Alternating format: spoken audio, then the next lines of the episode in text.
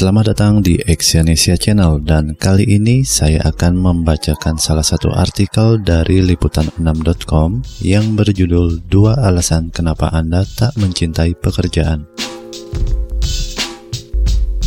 Ada bermacam alasan mengapa banyak orang merasa tidak mencintai pekerjaannya.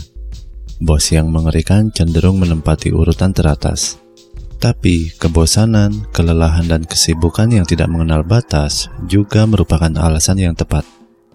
Katakanlah alasan-alasan tersebut bukanlah penyebabnya. Namun, Anda sebenarnya juga tidak bisa menentukan sumber ketidakpuasan kenapa tidak mencintai pekerjaan saat ini. Yang Anda tahu bahwa itu bukanlah posisi yang tepat untuk Anda, sehingga Anda sangat ingin berhenti dan menemukan pekerjaan yang lain. Namun tahukah Anda, sebenarnya bukan pekerjaan yang menjadi masalah kenapa Anda tidak menyukainya, melainkan karena diri dan pikiran Anda sendiri. Apakah terlalu keras jika menyalahkan diri sendiri? Coba berpikir lebih jauh lagi dari hati Anda, pasti ada membenarkan bahwa diri sendirilah yang menyebabkan Anda tidak mencintai pekerjaan Anda. Berikut ini adalah dua hal dan alasannya kenapa Anda tidak pernah mencintai pekerjaan Anda. Yang pertama, terlalu berambisi namun harapan tak sesuai keinginan.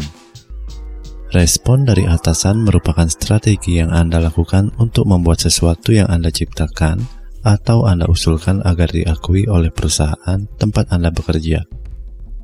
Anda benar-benar meyakini bahwa apa yang Anda lakukan akan disetujui oleh semua pihak di perusahaan.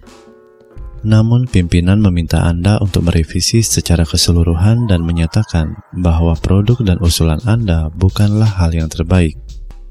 Padahal saat mengerjakannya, Anda sudah mengeluarkan begitu banyak keringat, bahkan air mata, untuk membuatnya menjadi sempurna. Yang Anda dapat justru penolakan, Inilah yang membuat Anda merasa terpuruk dan tidak ada penghargaan sedikit pun yang diberikan perusahaan atas usaha yang sudah Anda lakukan. Jika ini terjadi, wajar jika Anda tidak menyukai pekerjaan saat ini dan tidak betah berada di kantor. Tapi, ada baiknya untuk melihat dari sisi positif. Apalagi jika alasan yang disampaikan pimpinan sesuatu yang membangun. Seperti ucapan, awal yang baik, tapi mari kita lihat sedikit lebih dekat pada titik-titik ini ini hanya perlu perbaikan. Tidak mudah sampai pada satu titik dalam pekerjaan hingga berada di posisi saat ini. Hanya karena Anda tidak menerima kritikan dari atasan dan perusahaan, Anda langsung merasa tidak bisa mencintai pekerjaan lagi. Sadarilah bahwa kritik yang membangun sebenarnya baik untuk perkembangan karir Anda. Jangan sampai Anda sendiri yang menciptakan permusuhan di tempat kerja. Cobalah mengubah pola pikir Anda dan lihat apakah itu membantu Anda melewati obsesi yang penuh tekanan. Yang kedua, mengharapkan sesuatu dalam waktu yang cepat. Anda punya ide bagus. Sebenarnya sudah beberapa bulan yang lalu Anda memberitahukannya kepada atasan yang sepertinya sama-sama menyukai inisiatif ini. Dia berjanji untuk melihat batasan anggaran, atas susunan proposal berdasarkan analisis dan arahan yang Anda usulkan. Setiap saat Anda pun menanyakan perkembangannya, padahal Anda tahu pekerjaan tersebut butuh proses dan waktu. Setiap bertanya dan mendengar jawaban, ini sedang dikerjakan, atau ini masuk dalam daftar panjang pekerjaan kantor. Anda tidak mau peduli dan biasanya memutuskan untuk tidak pernah menawarkan gagasan yang luar biasa lagi. Jelas tidak diragukan lagi, ini salah satu bagian yang membuat orang frustasi saat bekerja di sebuah perusahaan. Tapi terlepas dari bagaimana menghadapi masalah yang ada, Anda bisa merasakan adanya perubahan yang sepertinya tidak disadari oleh orang lain.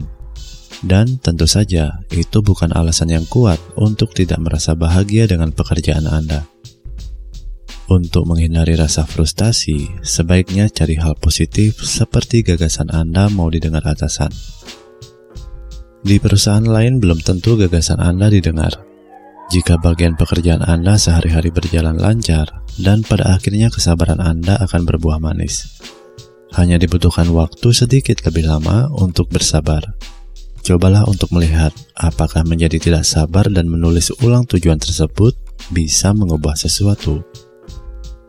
Jika pekerjaan saat ini merupakan alasan untuk tidak betah, itu hanya karena Anda berada di industri yang salah. Tidak ada yang salah jika Anda mau menyusun ulang gagasan yang diusulkan dan membuatnya jadi lebih sempurna, sehingga hasilnya jadi bisa lebih baik.